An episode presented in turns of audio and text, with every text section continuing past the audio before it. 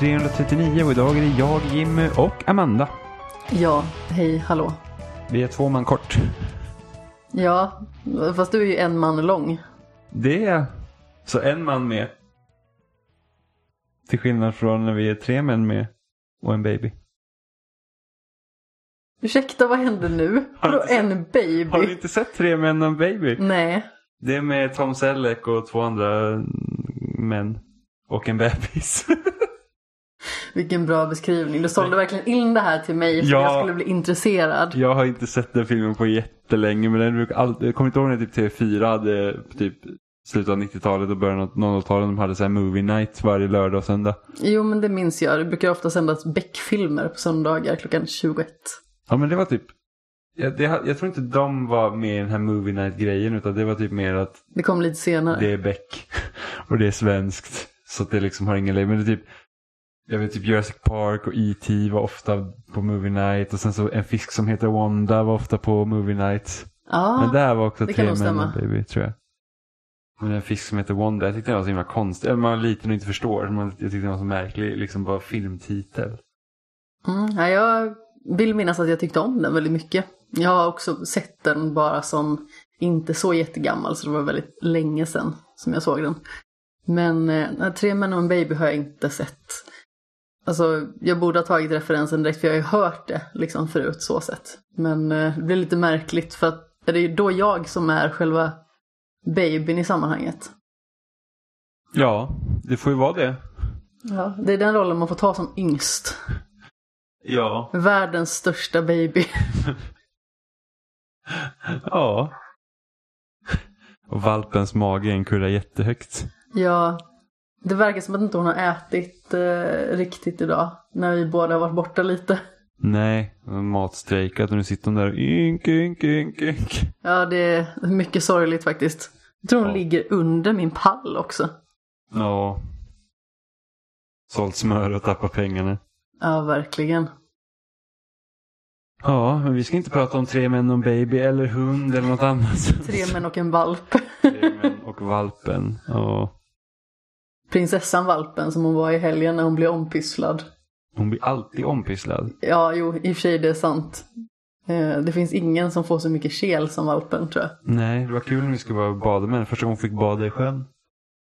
Hon var typ livrädd och bara plaska och så stänkte det upp vatten över, över huvudet på henne. Då blev hon ännu ynkligare. Ja, Och... men det var ju en fantastisk simstil någonstans. För hon försökte gå på botten med bakbenen och sen så plaskade hon, eller plumsade snarare med framtassarna. Och såg helt vild ut. Ja. Och sen så försökte hon, hon är ändå så pass lydig så att hon försökte ju gå bort med kopplet så här att hon inte var kvar i vattnet. Och så ropade man bara på henne och så kom hon ändå. Ja, eh, men det var ju så himla roligt just det också när hon skulle iväg. För det var ju inte det att hon sprang iväg i ren skräck. Utan helt plötsligt så började hon bara lunka iväg och så allmänt sorgsen ut.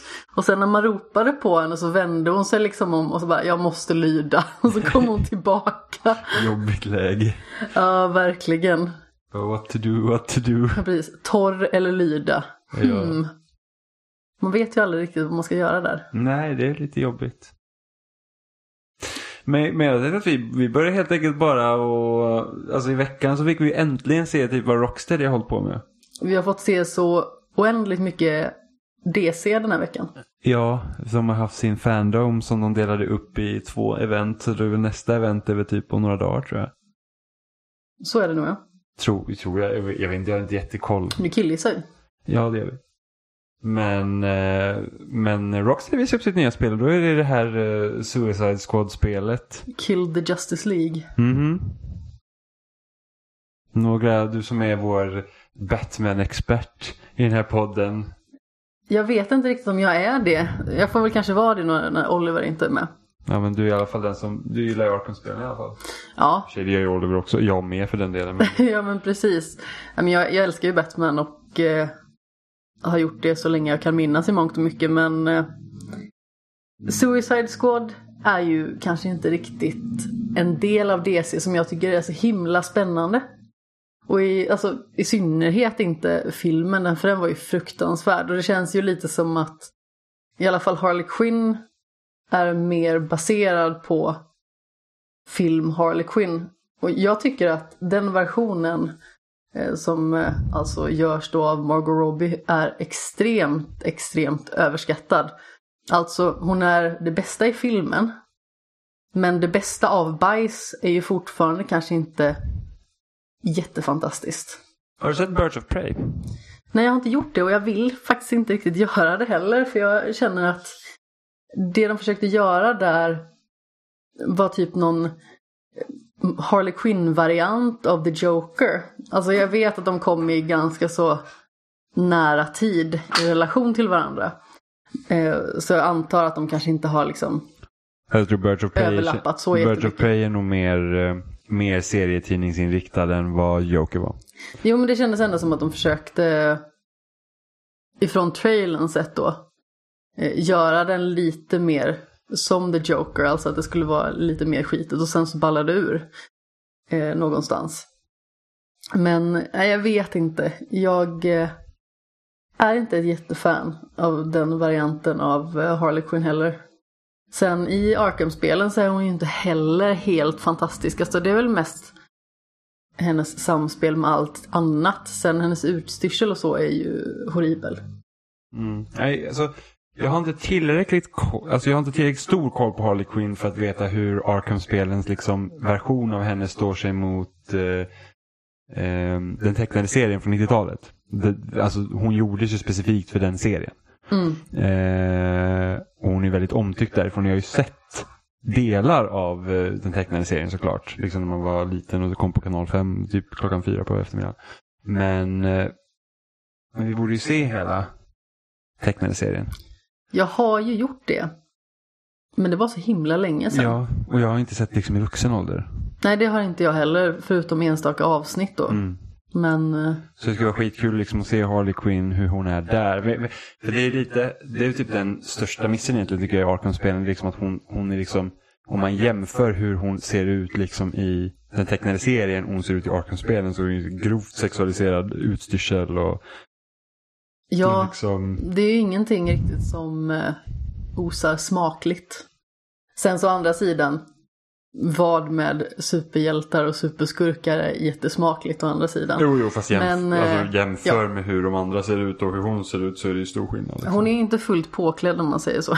Nej, och det är ju heller Det är ju inte... lite synd. Alltså, Poison Ivy liksom ser också ut på sitt sätt. Ja, eh, den klädseln är inte fager alltså. Nej, och förvisso så är ju liksom Poison Ivy är ju liksom mer åt det sexualiserade hållet också i hennes liksom olika iterationer. Men just det här liksom att hon, hon är liksom helt typ Men det går ju att göra det bättre. Ja men precis, det behöver inte bara gå runt liksom i en liten liksom röd kofta och, och liksom typ trosor Ett litet löv. Ja men det är liksom ett löv på fronten. Man bara okej.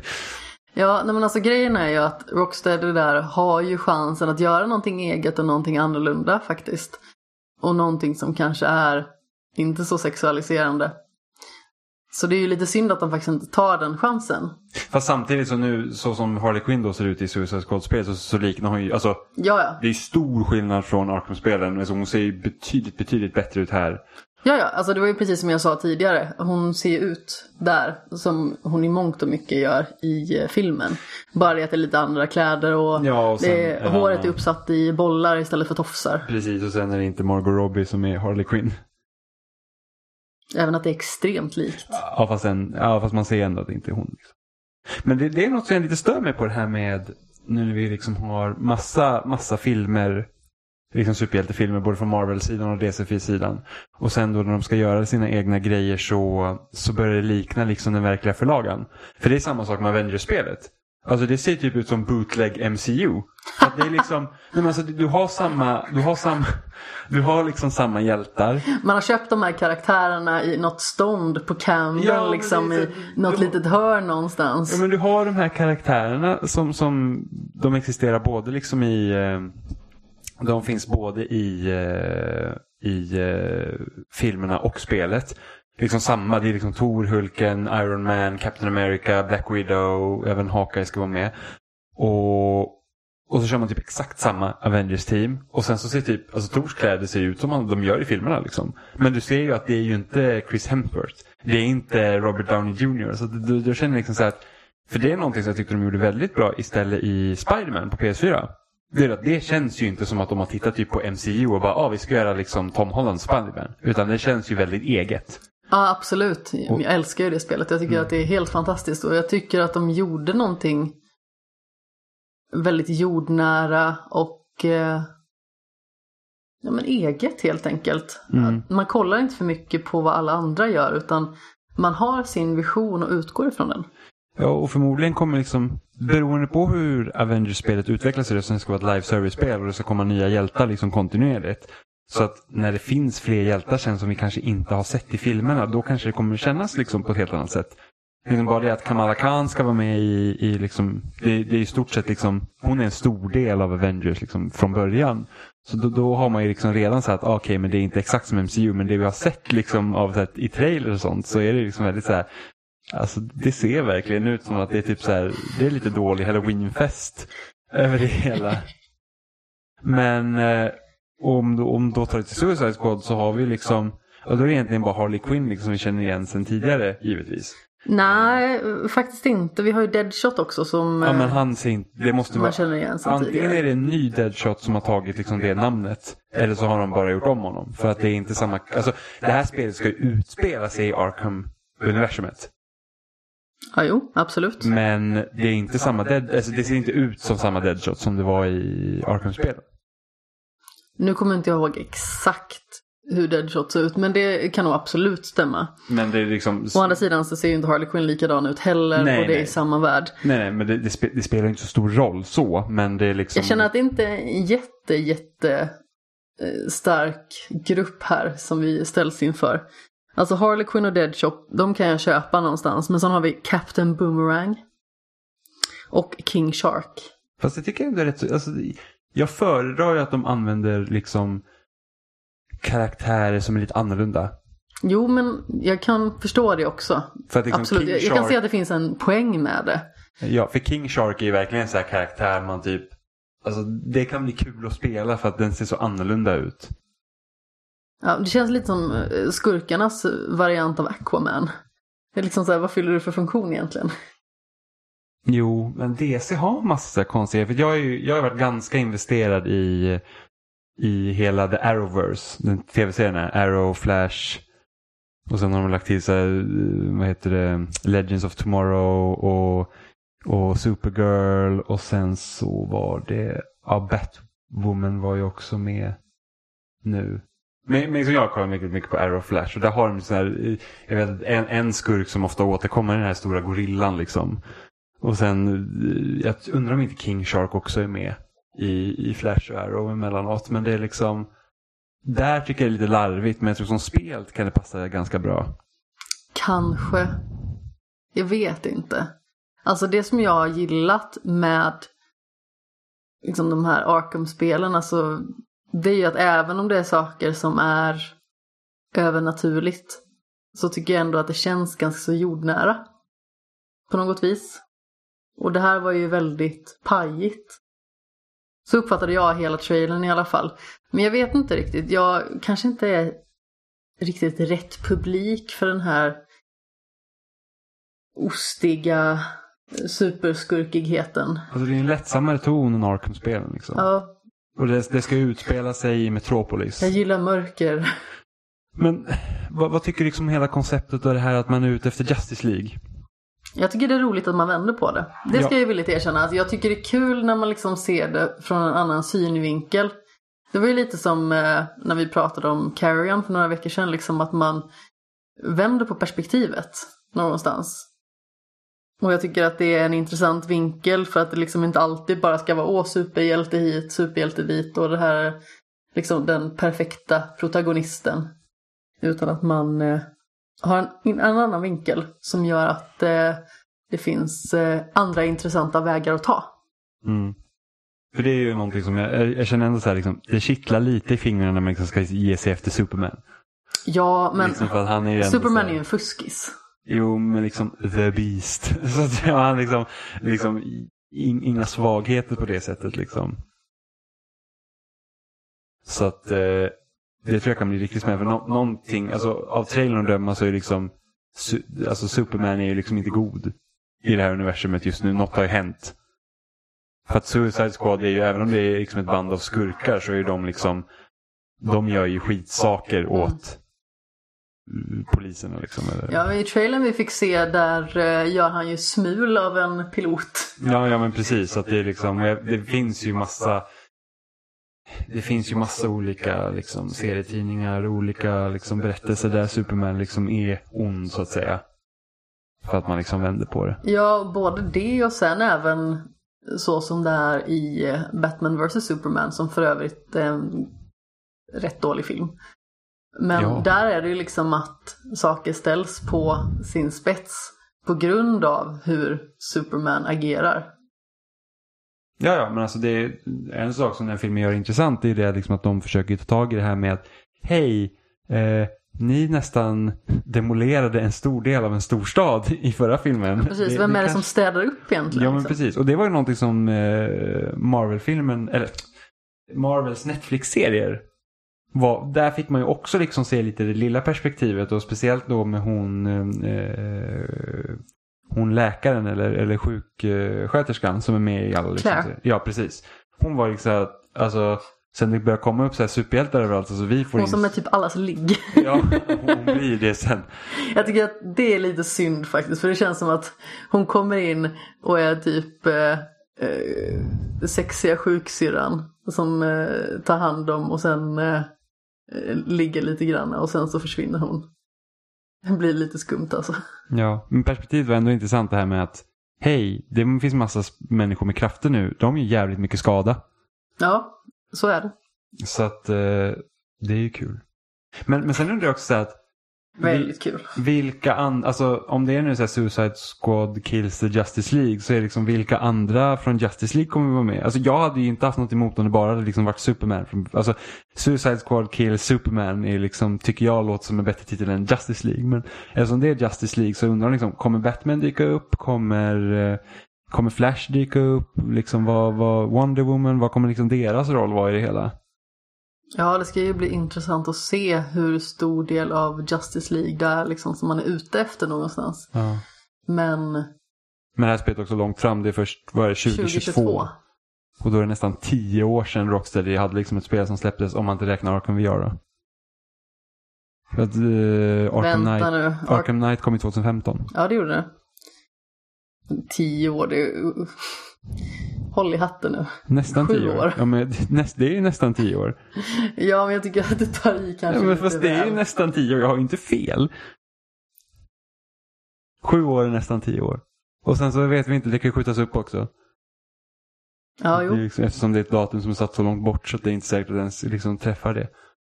Men någonting som jag var orolig på förhand det var ju det att när det började, kom, liksom, Mm, började liksom läcka om vad det skulle vara för typ av spel. Det var ju det att oh, det ska vara deras typ live service eh, grej som Avengers. Och det ska liksom att det ska vara här typ levande värld och, och multiplayer och allt grej. Men den uppfattningen jag har om det här spelet just nu är att det är, liksom, det är ett co-op-spel för fyra personer om man vill. Eh, vilket jag tycker är...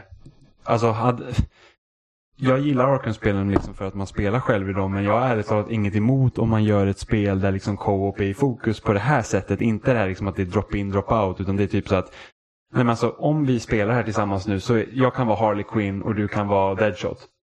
Och sen så har vi liksom lika stor inverkan på storyn för att det är de här karaktärerna som verkar liksom inom det här inom den här berättelsen. Istället för att det är typ som om man tar ett Destiny där alla liksom är den specielle.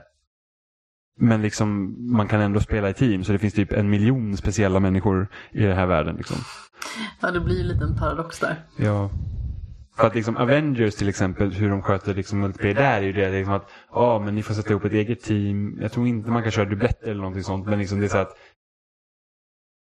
det, liksom, du kan typ kanske välja vem du vill beroende, alltså, oavsett vilket uppdrag du kör. Medan här är det ju verkligen så här typ att nej men ni är de här karaktärerna. Lite som Gears. Jag hoppas att det är så. Att det är liksom för att när vi spelar Gears så är det liksom en är Marcus, en är dem. Och de har lika stor inverkan på berättelsen för att liksom det, spelet handlar om dem. Och deras strider. Och samma sak hoppas jag att det är här, att spelet handlar om de här, liksom, den här gruppen i Suicide Squad, eller den här Suicide Squad-gruppen helt enkelt. Och liksom att det känns som att vi liksom, vi, när vi spelar här så spelar vi också berättelsen tillsammans. Ja, Alltså det hade ju blivit ännu mer pajigt om man hade kunnat spela till exempel två Harley Quinn som räntar runt. Ja, och det tror jag ju inte för att när man Nej, spelar man själv så är liksom, då det är de andra borta. Men liksom just det här att om de faktiskt satsar på att göra ett ordentligt co-op-spel och inte bara liksom ska vara någon så här levande värld, eh, tjosafräs som det har varit den här generationen hela tiden. Så då, då, då är jag faktiskt väldigt nöjd med den här inriktningen. Ja, Och vilket för oss egentligen till nästa Batman-spel då som är eh, Gotham Knights. Som också verkar gå in på liksom det temat att det ska vara co-op. ja och det är också fyra spelare. Men man kan bara vara två samtidigt. Jaha, Ja, så du har ju fyra karaktärer. Så det är ju eh, Robin, Nightwing, eh, Red Hood och Batgirl. precis. Men man kan styra två då. Eh, samtidigt då. Och sen så tror jag att man ska... Vi har tre Robin med andra ord. Ja men precis. Eh, och det här spelet är inte en uppföljare till Arkham Knight. Utan det utspelar sig inte i samma universum. Nej, och det är ju eh, Warner Brothers Montreal va? Som, Mm, jag tror det. Visst var det de som gjorde Arkham Origins va? yes, det stämmer. Eh, och det är väl kanske... Jag tycker väl det är lite synd att det inte liksom är ett Batman-spel i det avseendet att vi faktiskt får spela som Batman. Men alltså... Men premissen är ju superintressant faktiskt. Premissen i Gotham Knights tycker jag är mycket mer intressant än vad den är i Suicide Squad. Alltså att döda eh, Superman till exempel. Alltså visst, det kan ju vara coolt och sådär. Ehm, Coolt också där. Det är svårt att vara jag. Ehm, men just det här med att Gotham Knights springer ur det faktum att eh, Bruce Wayne och James Gordon är döda. Och att eh, staden liksom har spårat ur fullkomligt. Och att man då liksom måste ikläda sig eh, rollen som eh, nya hjältar då. Eller det har ju liksom varit ja, bikaraktärer eller eh, en högre hand tidigare till Batman. Mm. Ja, men jag, ja, jo, men den, den premissen är också intressant. Liksom att det på något sätt liksom har den som har liksom då varit den största skyddaren liksom av Gotham, både sett från liksom då superhjältesidan och liksom då till faktiskt den instans som ska lösa brott är liksom borta. Och sen antar jag att liksom kommer vara så här, polisen är korrupt i vanlig ordning och eh, skurkarna löper amok. Eh, men frågan är liksom så här att vågar de, vågar de ignorera Jokern i det här spelet eller vill de slänga in honom också för att eh, tekniskt sett då eftersom det här inte utspelar sig i Arkham-universumet så kan ju han finnas kvar till exempel. Eh, eller, eller kommer de liksom försöka Istället för att bara hålla på med samma gamla skurkar de har hållit på nu i fyra spel så kanske de liksom kan lyfta upp andra lite mer okända. Ja, sådana som Skurkar. inte är med lika ofta. Om Ja men precis, men liksom så här, måste vi se typ Pingvinen, Two-Face och liksom igen. Gåtan. Ja men liksom igen för att de har liksom varit med hela, liksom jämt. Eh, Och samtidigt så Batman har ju ett ganska så stort bibliotek av precis. Skurkar. Så så, det finns ju nog en hel del att hämta. ja, Men sen, alltså. Jokern är väl egentligen den karaktär som alltid får mest utrymme. Så det känns ju lite tråkigt om han ska vara fokuset igen. Det tycker jag är ganska så spännande just med Batman Arkham Origins. Att eh, där får man liksom se ganska så många olika skurkar som man kanske inte har stött på lika mycket förut. Mm. Men verkligen. Ehm, men en sak också i, i, i Gotham Knights då, då ska ju liksom för tidigare liksom, vi har ju Gotham, vi har ju sett liksom, vi har sett Arkham Asylum, vi har sett en del av Gotham City i både Knight och eh, City då. Eh, men nu ska det också vara liksom en, en öppen värld igen. Mm. Och då undrar jag hur de kommer lösa det med liksom co-op och sånt. För att liksom är vi fria att gå vart vi vill? Liksom eh, oberoende av varandra och sånt. För att min dröm är ju att någon skulle liksom göra ett co-op-spel där vi inte nödvändigtvis alltid måste spela tillsammans. Utan att man kan stråla samman på Jo, vissa men- specifika punkter eller? Precis, och det, jag, jag vet inte om vi har berättat det här förut men alltså de som har lyssnat på podden vet i alla fall min och Olivers liksom vision för Watch Dogs när det liksom kom fram till att Alltså typ jag undrar om inte det var reveal till Watch Dogs som man såg liksom en annan spelare åka iväg. Så man bara så här, är det där en spelare två? Liksom det här just med att man kan liksom göra, vara på samma uppdrag men man har liksom olika mål.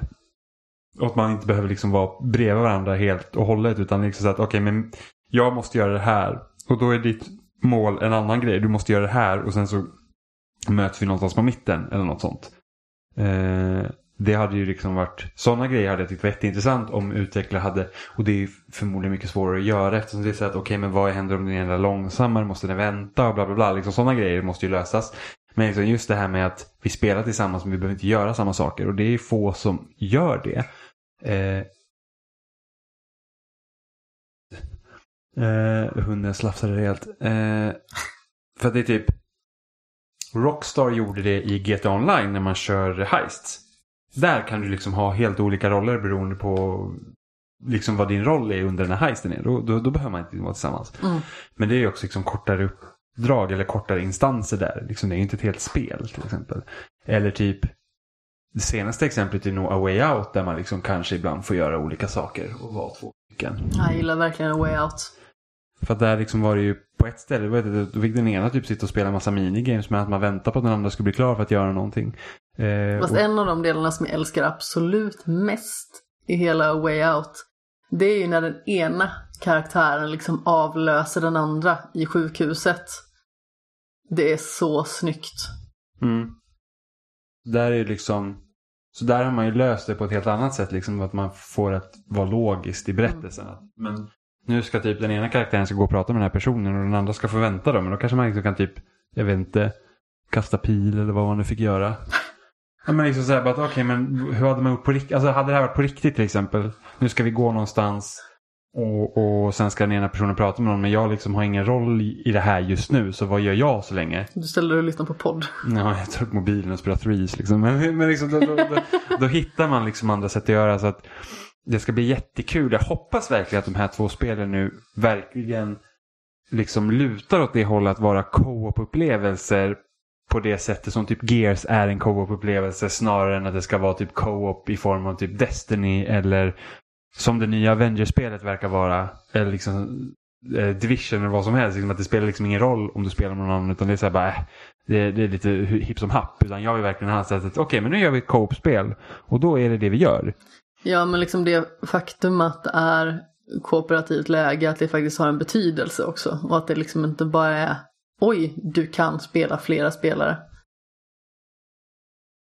Mm, ja men precis. Utan och... att det liksom, är det flera spelare, då har det liksom en, en vikt för det du gör.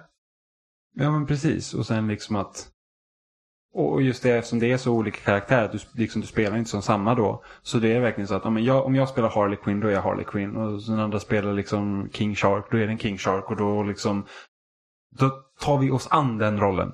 Karaktärerna ska kännas olika och de ska ha olika förmågor som känns tillräckligt olika. Mm.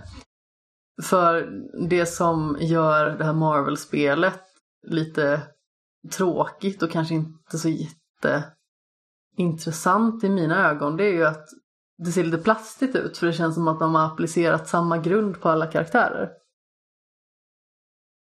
Mm, jag, jag, vet för lite om det spelet för att faktiskt... Jag vet inte gigantiskt mycket heller men det är liksom det intrycket jag har fått. Ja, jag har också fått det intrycket att det är så att visst, karaktärerna skiljer sig något men det är liksom inte så här typ att... Ja men jämför typ med ett spel som Devil May Cry 5. Där vi har tre karaktärer som alla känns liksom ganska mycket olika.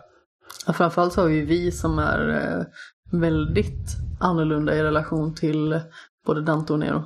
Ja, ja men precis. Och, då, och sen så kanske har Avengers, så är så här, men typ de här två karaktärerna de, de, de typ skjuter grejer så då gör man så här och sen typ Hulken ja, bara slår. Ba, bara en sån sak liksom som att karaktärer är olika stora och de har liksom eh, olika form, olika vapen. Och så, alltså det ska kännas någonstans. Alltså det var ju en sak som kändes ganska bra i ett annat spel som vi ska prata om sedan, eh, Battletoads. Det var liksom att man kände att i alla fall en karaktär var eh, signifikant annorlunda i relation till de andra. Mm. Och det är ju sånt som behövs för att det ska kännas mer äkta, tycker jag i alla fall. Mm. Jo, men precis. Man ska inte kunna ta vilken karaktär som helst och känna att jaha, den här känns ju som den förra. Bara det att jag skjuter istället för att ha ett svärd. Ja, och det är ju mer jobb givetvis. Jo, men vad är man ute efter? Är man ute efter att liksom leverera en produkt som folk verkligen ska uppskatta in i minsta detalj? Eller är man liksom ute efter att bara leverera ett koncept och sedan göra själva hantverket halvdant? Jag tycker att det är lite synd i så fall. Mm. Men det är ju också, det vi också diskuterar om, det är liksom så här med för att när första trailern kom på Breath of the Wild då var det ju många som trodde först att man skulle spela som Zelda. För att Link har ju ett väldigt androgynt utseende. Och det såg nästan ut som Zelda i första trailern. Eller liksom att, som man tänker sig att Zelda skulle kunna se ut liksom i hjälterollen.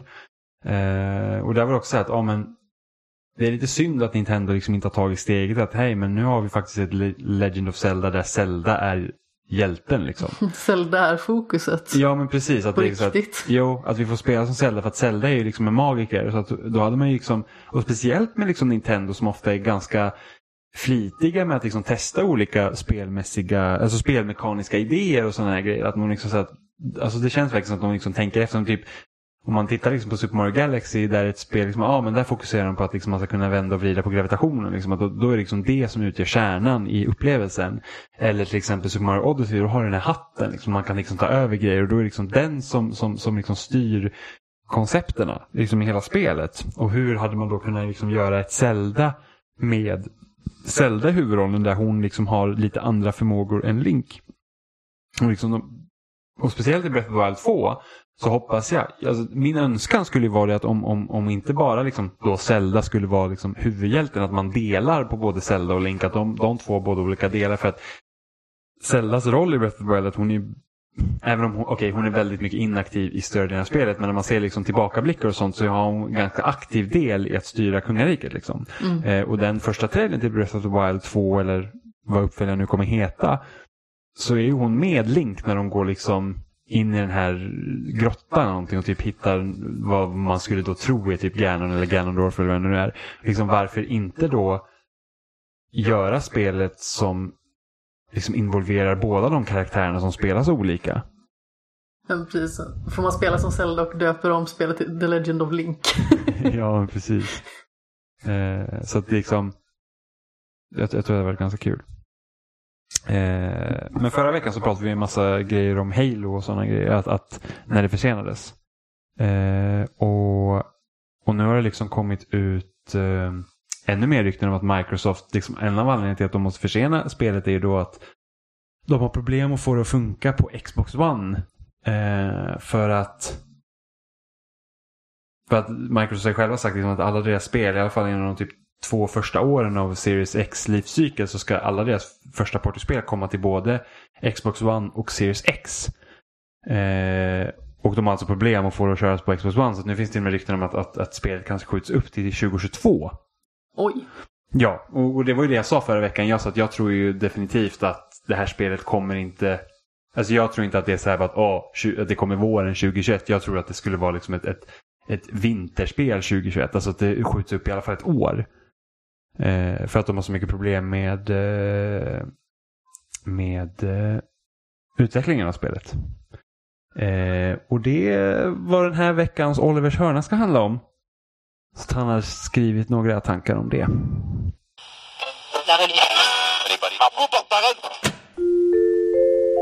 The following presentation is intended for immature audiences. Jag beklagar att jag kommer fortsätta tjata om Halo Infinite, men det finns fortfarande saker jag vill ha sagt.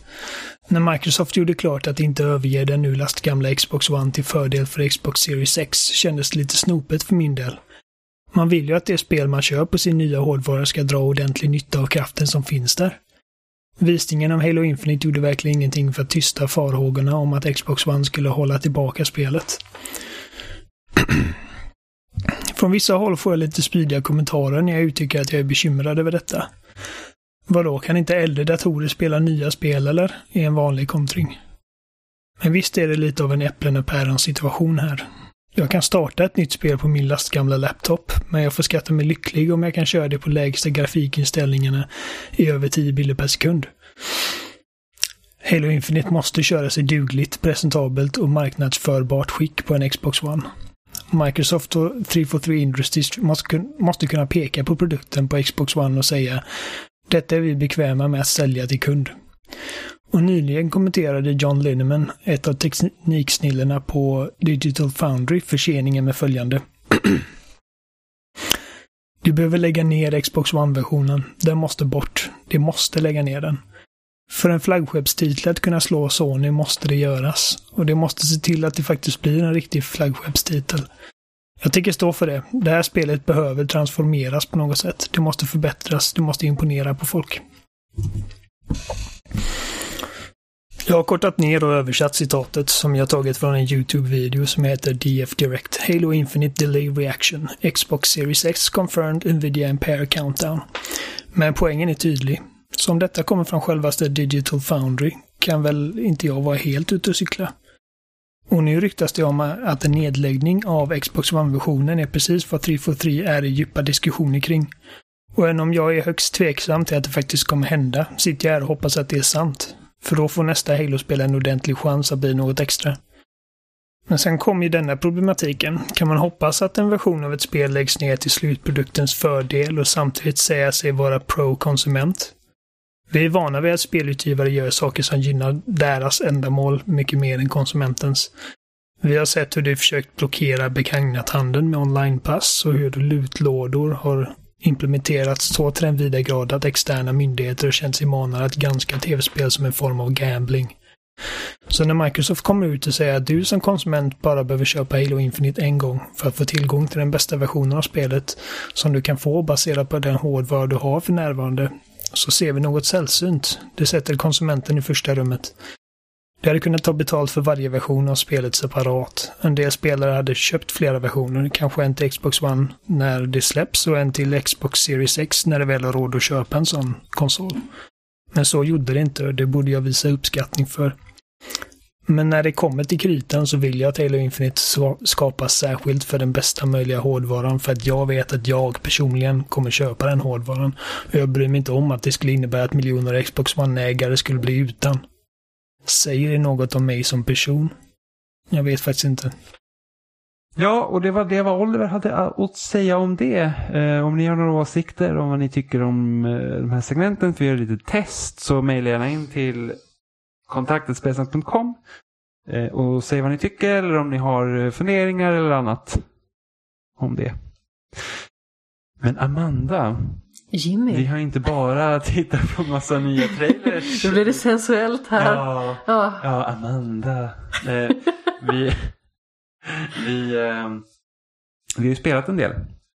Va? Ja. Så att eh, vi har ju faktiskt spelat eh, Battletoads Mm. i veckan. Ja, det är korrekt där. Precis, så det här är alltså första Battletoads-spelet sedan originalet som släpptes 91. Har du spelat det? Nej. Ja, det en, min enda liksom grej med Battletoads är att det har jättelustig pausmusik. Och Det är faktiskt helt sant. Ja. Och jag tror att det finns en version av den pauslåten i det nya spelet också. Eh, Men det är inte så ofta vi har pausat spelet så jag kan inte liksom kan inte säga att det faktiskt stämmer. Eh, Men jag läste någonstans att det verkar vara så. Och, och jag har sett speedruns på typ motorcykelsekvensen i Awesome Games Done Quick. Mm. Men det är typ min relation till Battletoads innan det här spelet då. Jag vet inte om jag har någon enorm relation till Battletoads. Utan det är mest att jag har testat att spela det och det är eh, vedervärdigt svårt. På sina håll i alla fall. Mm. Vissa segment är ju mer görbara. Ja, men även uppföljaren då är svårt på sina ställen. Ja, men alltså oftast förr i tiden så var ju spel svåra bara för att man skaffar inte spel i samma utsträckning som man gör idag. Idag är ju tillgängligheten på ett helt annat plan. Och säg liksom om man var en liten knodd 91, ja, du hade ju precis fötts och jag var Jag var verkligen en liten knodd. jag var knappt påtänkt. Ehm, men, men säg att man kanske var liksom ett litet barn då. Som gillade tv-spel.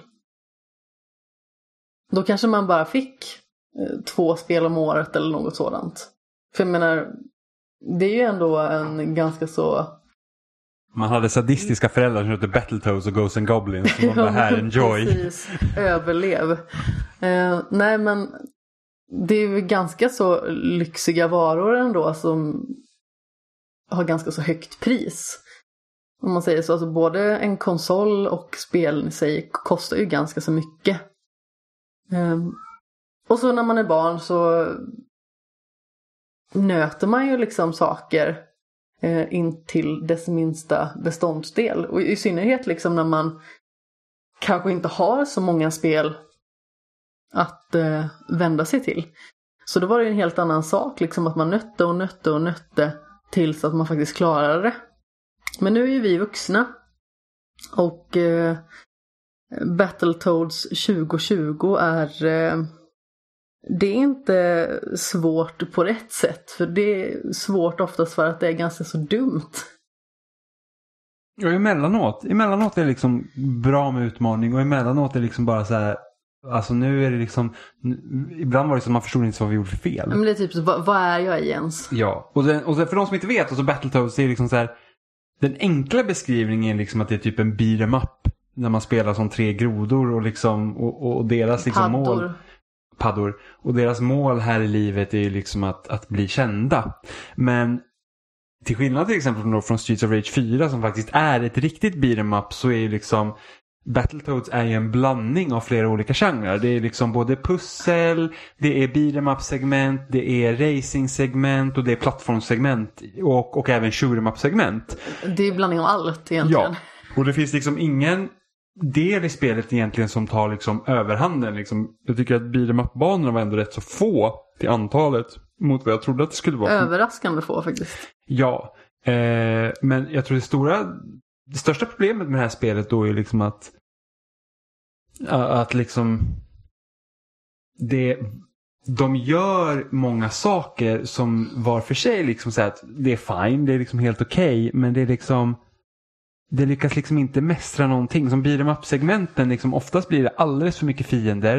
Eh, Det händer för mycket på det skärmen så händer man för ser mycket på typ skärmen. inget. Ja, så man liksom tappar bort sin egen karaktär och liksom du har kanske fyra, fem olika fiender som ska skjuta mot dig. De, de ser heller inte tillräckligt distinkta ut mot bakgrunderna så att allt smälter lite samman. Så att vissa stunder var det liksom jättesvårt att se vad man höll på med. Ja, det är ett stort problem som jag har med den här typen av spel som verkligen försöker att inkorporera så himla många olika moment. Det är ju att det hade varit bättre om de liksom hade tagit en eller två inriktningar och gjort dem så bra som möjligt istället för att ha så här många halvtaskiga moment. För det finns några som faktiskt är ganska så kul. Jo, Men problemet blir liksom när de får för sig att ja ah, men Battletoads, alltså ja, det var svåra spel grabbar. Ja, vi måste kasta in lite svårt bara för att det ska vara svårt. ja men sen också... Man bara, men vad är det för dumt? ja, men sen också Det är ju inte svårt på rätt sätt, det är bara svårt dumt. För att eh, ta liksom eh, slutbossen då, vi ska inte avslöja allt för mycket om den men det var nästan liksom så att håret började ramla av av sig själv. Ja, för att det är så att, att de, alltså bossen släppte liksom inte upp attackmönster så att det fanns liksom inte tillräckligt bra timing för att attackera. Man kan ju lära sig, alltså till slut så blev vi liksom, vi blev ju bättre och bättre på att liksom kunna av, av, avslöja liksom var, hur man skulle hoppa, hur man skulle tajma och sådana grejer. Men Det krävdes var, en lång promenadpaus däremellan och några Jo. välvalda svordomar. men, men liksom rätt som det var så var det liksom att bossen attackerade på samma ställe liksom exakt samtidigt gjorde att det, liksom, det gick inte att undvika. Eh, och, och på så sätt blir det dumt. Och samma sak med de här olika liksom, segmenten som finns i spelet. Att varje gång så håller det på en aning för länge. Det är liksom så att man bara, men det här är kul och sen bara, varför har vi gjort det här typ liksom sju gånger i rad nu? För att nu Ja. liksom så att nu, nu, nu, nu liksom vi är klara med det här nu. Battletoads är liksom lite som den där personen som gillar sitt eget skämt lite för mycket. Så att den drar skämtet om och om igen och till slut så är det inte roligt. Ja, precis. Det är liksom att nu är det kul och sen så bara, det, det, liksom, det är kul tills det inte är kul och då är det verkligen inte roligt. Nej, för då blir man asförbannad. Eh, fördelen med det här spelet dock är det att det finns checkpoints och de är ganska generösa med checkpointsen. Det finns ju svårighetsgrader. Vi spelade på Mm, normal. normal. Mm. Och, och liksom vill man spela på svåraste så är det som gamla Battletoads så är det liksom, du måste klara banan annars får du bra från början. Och Eh. vill man spela på svåraste svårighetsgraden så är man förmodligen en farlig människa som alla bör akta sig för. Ja. Så, så, så till skillnad då från originalet så fanns det liksom checkpoints och de var också ganska generösa. Och jag tror ändå när de har det här generösa checkpoint-systemet då tror jag också att de har tagit sig friheten till att kanske då göra det lite svårare för att det finns ändå checkpoints. Och det är ju bara spekulation från min sida, jag vet inte. Men det känns liksom att det känns som att då kanske man inte behöver liksom tajta till det helt och hållet för att nej men alltså förlorar de så kan de bara börja om. Det är liksom, då är man snabbt över banan igen. Eh, Men det fanns ju faktiskt segment som jag tyckte i alla fall var roligare än de flesta. Jag, jag tyckte just att racingbanorna var roligast. Jag hade velat ha ett spel med bara den typen av racingbanor. Ja men det känns lite, vet, hade, när du var liten hade du också en sån här typ liten så här röd typ leksaksbilhudd där man kunde köra bil och så fick man styra. Det kom ju så man, man körde en bil så var det typ tre filer på vägen och så skulle man bara flytta bilen för att den inte skulle träffa eh, hinder. Ja, det låter bekant faktiskt. Ja, men liksom, jag tror de var jättevanliga på 90-talet. Men så, liksom, så är typ racingsegmenten i det här spelet. Så man liksom undviker bara, alltså man ser ju bilarna bakifrån och sen styr man höger eller vänster. För att eh, undvika då grejer. Ja, det var ju faktiskt superkul. Jag, jag gillade framförallt första segmentet för att det var lite mer fokuserat och det hade lite fler checkpoints. Eh, och det var uppdelat på ett annat sätt. Sen så fanns det ett segment till som var ganska så långt och vi dog precis vid mållinjen tre gånger. Jag vet, och vi visste inte att de var mål. Jag tänkte det borde ju varit klart där. Och sen när vi klarade banan så var det så här, vi dog på sista hoppet två gånger. Mm, Eh, tre tror jag. Ja, till och med det. Så det, är liksom, det var inga checkpoints där. Ja, kom katten in. Eh, Han bröt sig. Han Han öppnade dörren. Rena Houdini här. Men Nemo. Hallå! Han verkar nöjd i alla fall. Så. Ja. Eh, Han accepterar inte riktigt att bli utelämnad. den, precis. Samtidigt så tycker jag att alltså, Battletoads har ändå vissa så här, liksom, ganska bra idéer. Det, jag, Ja, tror, jag tror min favorit liksom, grej som inte jag har sett i något annat spel tidigare det är liksom så att Spelar du själv så kan du i princip spela co-op med dig själv. För att det är ju de här tre paddorna då som är huvudkaraktären. Och, liksom, och man kan vara upp till tre personer som spelar då. Inte online, vilket är lite konstigt, utan bara liksom soft co-op då. Eh, men det är så att om du känner att du börjar få lite liv till exempel om du skulle spela själv. Då kan du tagga in en annan av karaktärerna och spela som den istället. Så hamnar liksom ena på avbytarbänken. Typ precis som om man tänker sig Marvel vs Capcom, liksom den typen av fighting-spel där man liksom har tre karaktärer så kan man switcha mellan dem liksom för att byta ut när man har dåligt med liv eller något som helst. Och när vi var två då så var det ju alltid en karaktär som var liksom i då på avbytarbänken som man kunde byta till och sen så kunde man om man till exempel dog min karaktär så kan jag ju reviva den men då kan jag byta in till den andra karaktären och reviva och så har vi liksom båda kvar. Eh, så det tyckte jag var en jätte, jättebra grej. ja men precis. Och att just de här tre karaktärerna har ganska så olika färdigheter. Alltså, vi har ju framförallt Pimple som då är liksom den Jag stora har- bösen. Jag gillar att du har lärt dig namnen på dem. Nej men vadå, det var ju inte jättesvårt att Jag lära kommer sig. inte ihåg. Nej, men det är den här stora Ja, jag jag orangea paddan mm, som Ja. är jättemuskulös. Så han är liksom eh, starkare och slår lite Ja långsammare. men precis, han slår lite långsammare. Eh, Han är också tyngre och man märker liksom skillnaden eh, gentemot de andra två. Ja, han Eh, ger mer skada. Mm. Och eh, framförallt så märks det extra tydligt då på hans specialattack. Sen så har vi ju Sits vill jag minnas som är liksom mer turkos då och han är snabbare. Problemet är att Sits och Rash heter den tredje tror jag. Ja, den gröna är Rush. Mm, de är lite för lika i själva utformandet. Så när vi var båda de två, i synnerhet på sista bossen, då tappade jag ju bort mig vem jag var. Mm. Eh, och Rash vet jag inte riktigt vad han fyller för annorlunda funktion. Mer att han är. Ja, Han, liksom, han är typ spelets Mario antar jag. Ja, precis. Ja, men liksom, han är lite allround. Ehm, Ingen merit att vara det. ja. Nej, men alltså det, det, det är lite synd för att någonstans i det här spelet så är det faktiskt ett bra spel. Eh, för att även liksom så här typ Alltså hela inramningen är ju precis som att det ska vara typ frukost-tv. Liksom, det känns som ett typ ett tecknat barnprogram. Många gånger. Eh, för typ de som gillar Dr. Mugg. I alla fall till en början. ja, men alltså det är ju ett tecknat barnprogram som man kan spela. Ja, precis. Och, och, och, liksom, och även i början så var det typ så här, humorn landar inte. Det kändes liksom som att röstskådespelaren typ läste från ett papper. Alltså det kändes inte som Humorn var Ja, fruktansvärt det, fanns liksom dålig. ing, det fanns liksom ingen samklang mellan dem. Men sen så eh, en bit in i spelet så kom typ den till synes då antagonisten The Dark Queen med. Och då, det liksom lyfte hela alltet också för då började det bli ganska kul. Ja, men hon var ju också en liksom sån här karaktär, pratade med stroppig brittisk brytning och var liksom allmänt, jag vet inte, mörk och rolig. Ja, men liksom, då, då, då börjar man liksom känna att Alltså det kändes som att spelet liksom kom lite till sin rätt där. Att det liksom började få en liksom roligare jargong. Även om det fortfarande inte är så här att wow, det, vilket fantastiskt liksom. Men det var ändå så att nu är det inte vedervärdigt. Nej, men i början så var jag verkligen sådär, vad är det här ens som vi sitter och ser? Det, det är jättekonstigt bara. Eh, Och inte alls roligt. Eh, Jag vet att det var någon som skrev på Twitter liksom att åh, det är så himla roligt med Battletoads och eh, humorn är perfekt och eh, manuset är bra och jag kände bara så här, har vi spelat samma sak ens? För jag Ja. tycker att det är horribelt. Men eh, det som jag tycker är synd med det här spelet det är att på pappret så har de många bra idéer.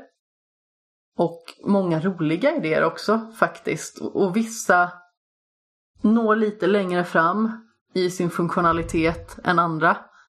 Men på det stora hela så lyckas de liksom inte utföra någonting speciellt bra. Ja, jag tror att det är liksom för att det, det, är, liksom, det är lite för mycket olika saker som gör att, liksom att det liksom, inget blir liksom Inget står ut på det sättet för att det, liksom, det finns alltid någonting som stör lite.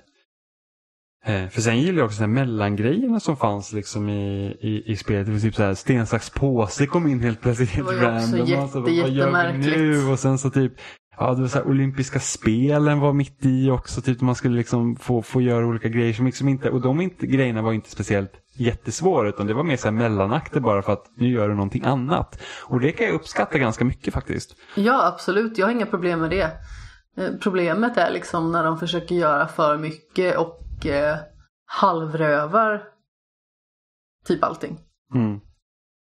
Ja, så det, men, det här spelet har också fått ganska mycket, var väldigt upp, mycket upp och ner på recensionen också. Superblandat. Ja, så det är liksom, och jag hamnar med på den ljumna sidan där liksom att alltså, ah, det är liksom, alltså vill man spela en beat'em up så kör Street of Rage, Rage 4 liksom. Eh, vill man ha ett lite mer utmanande kanske co-op-spel liksom, och göra lite så här flummiga saker så visst, liksom, kör Battletoads. Liksom, har du Game Pass och testa åtminstone. Men, Jag liksom, hade ju aldrig tyckt att det här var någorlunda roligt om jag hade spelat det själv. Nej, nej, jag hade förmodligen inte heller tyckt det var sp- Jag hade nog också bara såhär, bara, eh, ja, vissa grejer, alltså vissa, typ den här racerbanorna hade, ju Ja, liksom, hade man kört själv. Men hade man kunnat kommit nöta. dit ens för att man hade liksom lackat på spelet för länge sedan? Ja, jag, jag vet inte riktigt vad man hade gjort på vissa fighting-segment om man hade varit helt själv. Så det, Ah. det, det kom så mycket fiender så det hade varit jättesvårt. Det är så himla fult när vi var på eh, en viss planet då med, med Pimple. Och eh, då hade vi liksom eh, kommit bort från resten av gruppen. Då fick jag någon liten ful alien som såg ut som någon form av alien-version av Pippi Långstrump eller någonting. Det är så himla orättvist och så fick du liksom vara huvudkaraktären och spränga runt där som ett litet jon. Ja. Det var ganska kul. Eh, men eh, vi har inte bara spelat Battletoads. Du hade ju äntligen klarat ut Nier Automata också. Det har jag äntligen gjort efter 60 timmar eller någonting.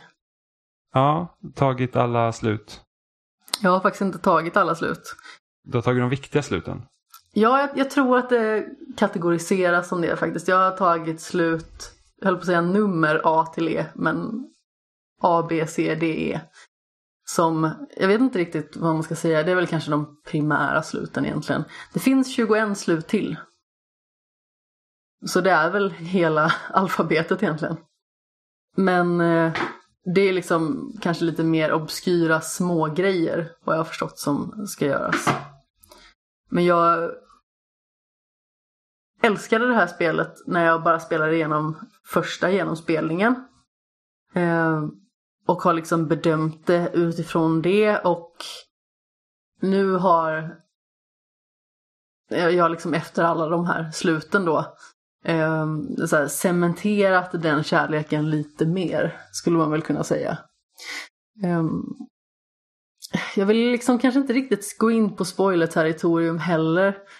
För att det är ett sånt spel som gör sig verkligen bäst av att upplevas på egen hand och liksom se verkligen vad det är som försiggår. Men jag tycker verkligen att det är en så himla säregen och fantastisk upplevelse. Mm. Ja, det är, alltså, jag har ju också bara spelat första varvet i ner. För att jag har så här, när man börjar spela då blir det 9 9S. 9S. Jag är så här bara att, alltså är det något jag inte tycker om i spel där man måste spela om spelet igen och liksom typ göra i princip samma saker. Då blir jag så att, alltså nej, jag värderar min tid liksom högre än så. Om Mm. jag inte mycket, jättegärna liksom vill spela om ett spel. Men nu när jag sett dig spela så det är jättemycket som man missar om man bara kör liksom första varvet. Ja, men det är ju så. Alltså första varvet, då är ju fokuset kring 2B och 9S. Fast man följer to be hela tiden. Det är ju så att 9S försvinner ju en liten stund också och det är ganska så intressant för då får man ju liksom lite av den luckan ifylld när man spelar som 9S sen. Och eh, jag uppskattade verkligen 9S så otroligt mycket för att som 9S så kan man ju göra den här hacking-funktionen. Så man liksom eh, tar sig in i maskinernas system och eh, bryter ner dem den vägen istället. Och det var någonting som jag verkligen tog tillvara på. Eh, så det var oftast att jag valde att spela som honom när jag fick chansen. Tredje varvet då trodde jag att man skulle få börja spela som A2 då direkt. Men eh, då var det lite annorlunda där också Ja, men faktiskt. hela det varvet kändes typ som en uppföljare till hela spelet. Ja, För det är liksom, det är, det är fortsättningen Ja, någonstans där. Och där händer det väldigt eh, viktiga saker för hur karaktärerna liksom tar sig vidare i spelupplevelsen. Sen eh, i slutet av det här tredje varvet så kan man välja två val. Eh, och beroende på vilket man väljer så får man slut C eller D. Och då går man ju tillbaka bara sedan, för när man har gjort tre stycken varv då får man liksom kapitelval. Så då kunde jag gå direkt till när man gör det här valet och välja det andra, klara slutet där. Så fick jag liksom, jag klarade det först och sen så klarade jag C. Eh, och sen så fanns ju E då också som eh, finns i sluttexterna.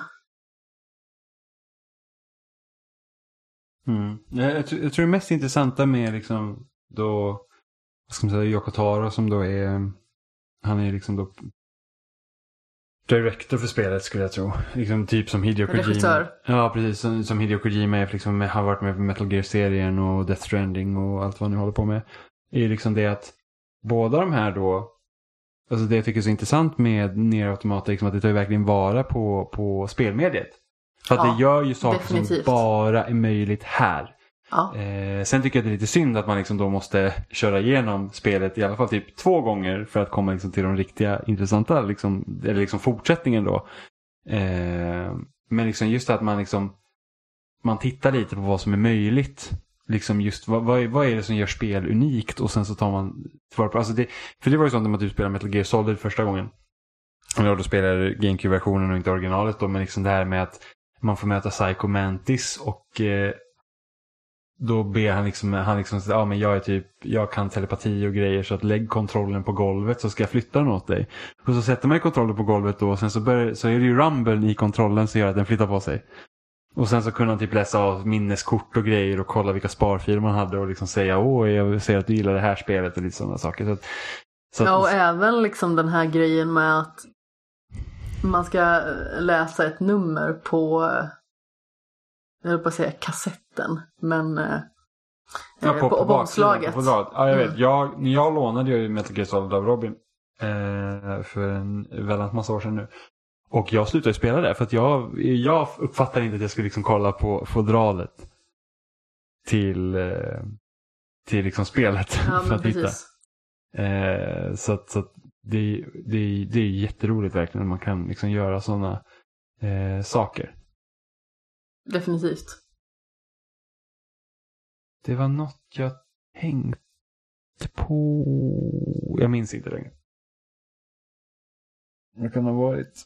Det var något jag skulle säga om ner. Oh, ja, sak samma. Eh, men du, du, du, ska, du förstår spelets storhet om man säger så. Ja, jag tyckte mig förstå det Jo, redan vänta. innan också. innan jag glömmer bort det igen.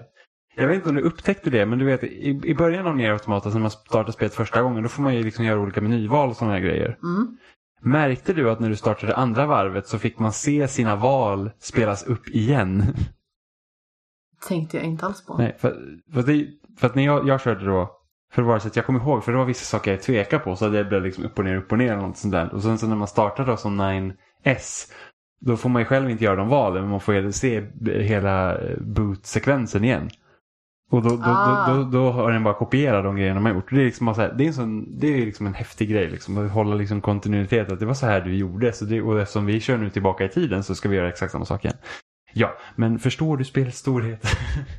Ja, men precis som jag sa, jag tyckte mig förstå det redan efter lite mer än ett varv.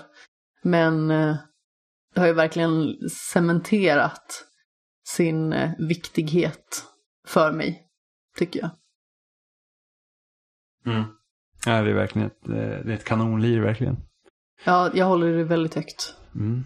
Jag har ju också spelat eh, ett annat spel. Är det ett kanonlir?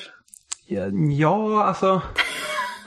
alltså det, det är okej. Alltså, jag har spelat Manifold Garden som är ett första persons pusselspel. Eh, som är liksom baserat typ på sådana här Escher-målningar. Liksom det här att man eh, man ser till synes omöjlig geometri som går liksom in i varandra. Så om man har spelat eh, Monument Valley till exempel så, så, så inspireras det av samma sak. Liksom när man sätter liksom, beroende på hur man styr liksom vägarna så, liksom, så kan de gå in i varandra så kan man liksom nå nya nivåer då för att, eh, för att lösa pussel helt enkelt. Lite optiska illusioner hållet. Ja, men lite så. Så, är så ser liksom banorna ut här också. Eh, även om pusslen i sig inte riktigt tar tillvara liksom på hela den grejen. Så att man Målet liksom i det här spelet, liksom pusslerna baseras liksom på att man vrider och vänder på gravitationen. Så att man, man går på de här liksom byggnaderna då så att säga och sen så trycker man på RT när man står vid en vägg så blir liksom den då blir liksom den väggen man går på. Så att typ Inception-aktigt också skulle man kunna säga. Liksom. Så att man, du styr hela tiden liksom vilken yta du går på och så måste du lösa olika pussel. Och så finns det olika kuber då som har olika färger och varje, om, om du har liksom en, en, en, om banan skulle vara som en kub så har varje sida en designerad färg till sig. Så blått är å ena sidan och sen så och för att då kunna använda de blåa kuberna så måste du stå på den blåa sidan så att säga. Eh, och då går ju gravitationen ner på det. Men vrider du om så att du liksom står på en annan sida då kommer det blåa blocket att stanna kvar. Så att det liksom fryses fast. Och det är liksom i mångt och mycket så eh, pusslen är baserade. Så det är liksom gravitationspussellösning eh, egentligen. Eh, och, och något som är ganska kul är för att den här, eh, han som har utvecklat spelet då. Han är så dålig på pusselspel. Så då bestämde han sig för att göra ett pusselspel som han skulle kunna klara att- att spela. Liksom.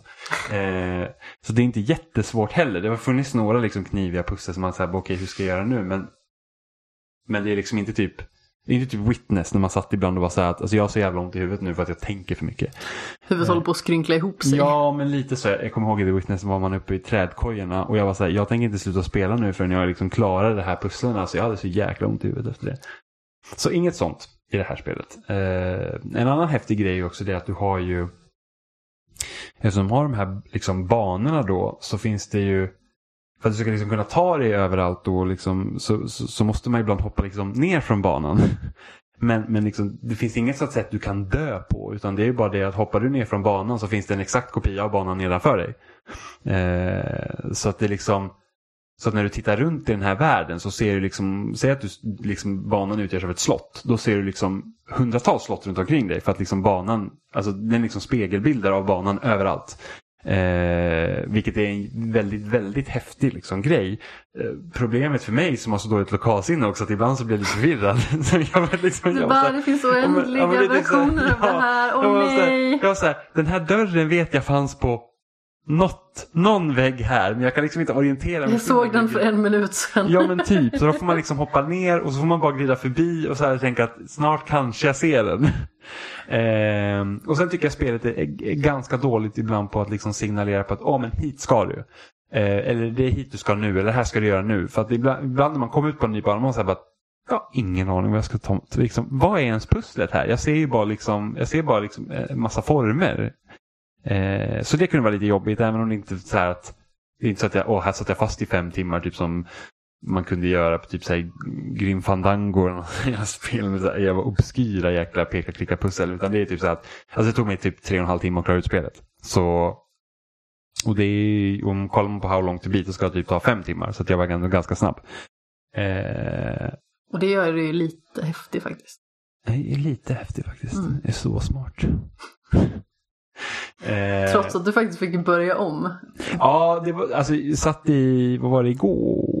Ja, igår. igår. Ja, igår innan vi åkte till gymmet så satt jag och spelade spelet och sen så bara, ja men vad nice, jag började liksom närma mig slutet.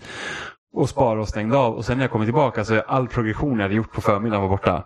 Så att den hade liksom inte sparat någonting trots att Alltså jag undrar om inte den typ drog ner en, kanske en cloud save. Alltså eh, säg att den inte hade sparat på moln sen tog den ner molnsparning. Det, det kunde faktiskt ha hänt.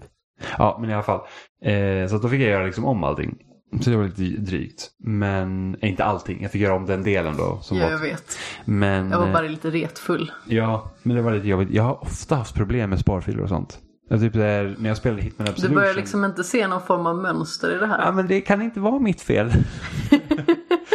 ihåg För det är ju aldrig det. Nej men jag kommer ihåg att när jag spelade Hitman Absolution då körde jag liksom på svåraste och eh, sparfilen bara försvann. Det var hemma hos Oliver jag bara, det finns ingen sparfil. Man bara, hä? Var är Jag den? tryckte ju på delete, jag trodde inte det skulle hända Jag något. gjorde nej. Och sen så går man in liksom och kollar på hård, liksom, bara, nej det finns ingen fil här. Eh, och sen kommer jag ihåg att min mamma blev lurad på att köpa ett Joytech minneskort till min GameCube istället för att köpa ett original för att Joytech minneskortet skulle vara så mycket bättre. Och den raderade min Super Smash Bros Brothers Super Smash Bros Melee-fil. Så att jag fick börja om på den helt och hållet fast jag låst upp alla karaktärer och sånt. Så det var lite drygt. Eh, jag har ofta haft otur med sparfiler och sånt. Jag har haft det ibland, jag kan inte dra någonting på rak arm nu. Så. Och det är ju faktiskt något som är väldigt, väldigt skönt med eh, Xboxen just nu. Att den sparar ju en fil lokalt och laddar upp en till molnet. Eh, för det fick mig att svettas lite när jag spelade Ghost of Tsushima på, på PS4. Och den... Eh, nej, det var när vi spelade Fall Guys. Det var det. Eh, och eh, spelet kraschade och sen så typ låste den hela min PS4 så jag behövde starta om den och sen fick inte jag igång min PS4 på fyra timmar. Jag fick liksom försöka så här, okej men så här starta den i felsäkert läge, eh, uppdatera databasen, låta den vara avstängd lite längre, försöka starta den igen så att den var liksom Alltså du hade en fyra timmars livskris där. Precis, och då var jag så här, då började man tänka så här att min PS4 står inte som min hem-PS4. Vilket gör då att Sony tycker så att nej men då, då kan inte du ladda upp dina sparfiler till molnet automatiskt heller utan då måste man göra det manuellt. Så jag var så här att jag har typ inga sparfiler uppladdade till molnet. Då tänkte jag så här att jag är nästan Platinum i Ghost of Tsushima. Jag är nästan Platinum i Last of Us. Fast du hade tagit Platinum i Ghost of Tsushima redan. Det hade jag. Men hade inte, men jag tror jag fick det problemet under Ghost of Tsushima också. Det kanske du fick. Så måste det ha Så varit. var det nog Ja, faktiskt. men i alla fall. Jag hade inte tagit Platinum i Last of Us 2 än och jag hade kommit liksom över halva spelet. Jag sa att det vill jag inte ska försvinna. Precis, då har du alltså spelat en och en halv omgång med andra ord. Ja, precis. Så, att- så att det är lite jobbigt. Majoriteten av alla sparfiler man har kommer man ju liksom aldrig ens röra igen. Det är ju så att jag har så mycket spel som jag förmodligen aldrig kommer spela igen men, men liksom det känns ändå lite tungt att de skulle försvinna. Ifall man skulle vilja spela. Ja, men du vet ju hur det var när jag startade upp eh, Nino Kuni.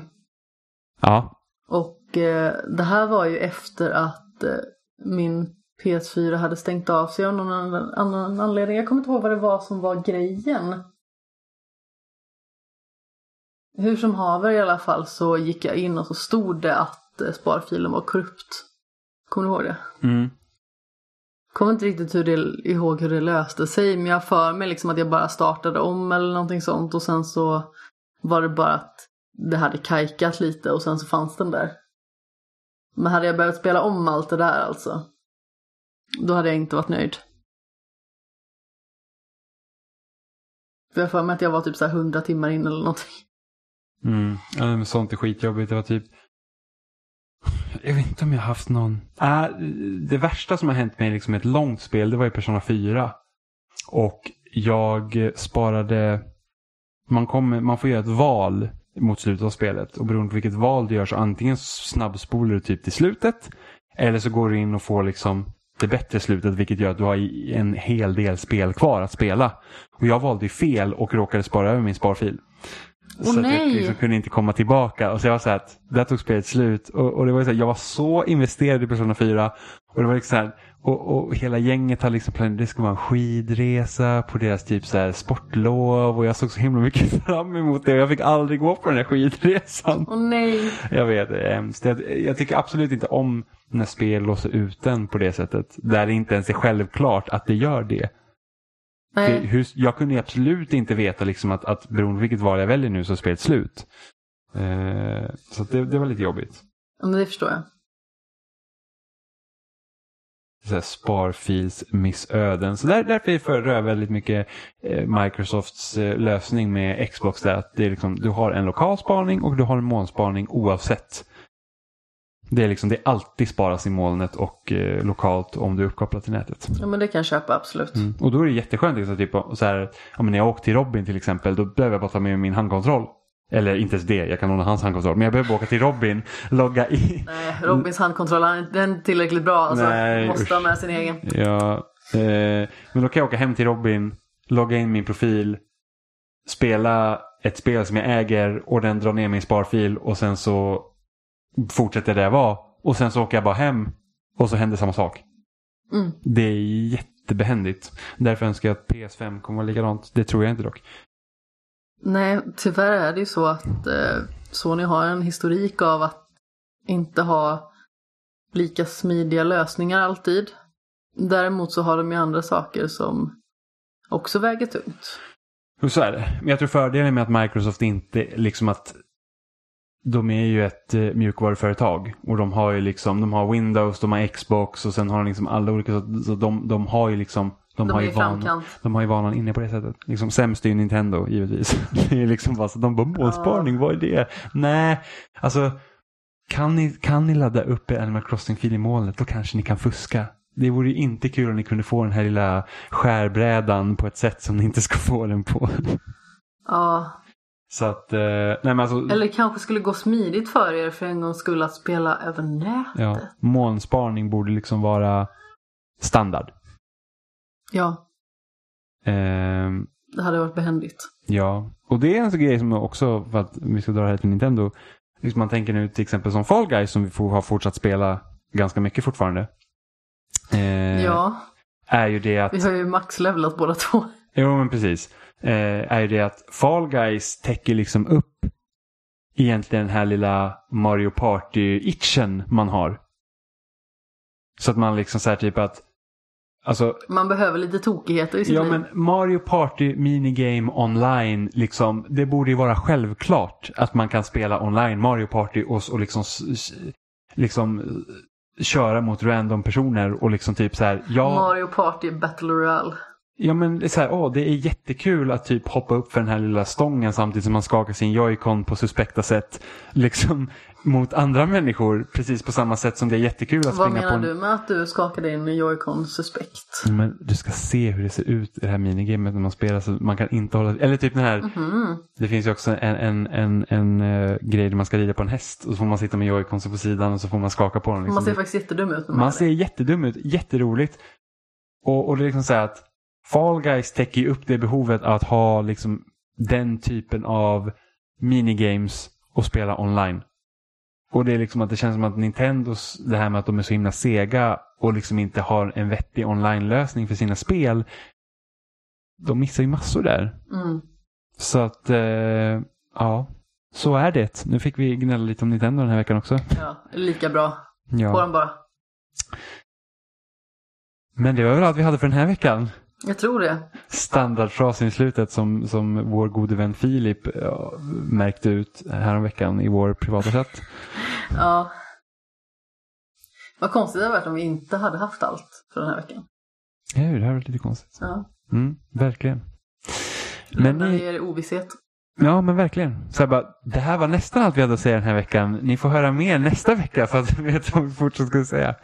Eh, men ni hittar oss som vanligt på spelsnack.com och där finns också länkar till alla ställen vi finns. Eh, Youtube, Instagram, Facebook, Twitter. Eh, ni kan lyssna på podden i er favoritpodcast-app.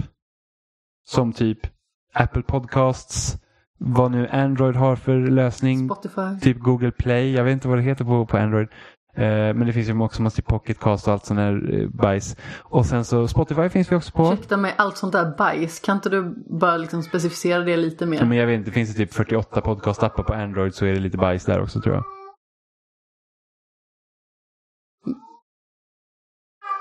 Ja, vår sexuellt frustrerade katt säger hej.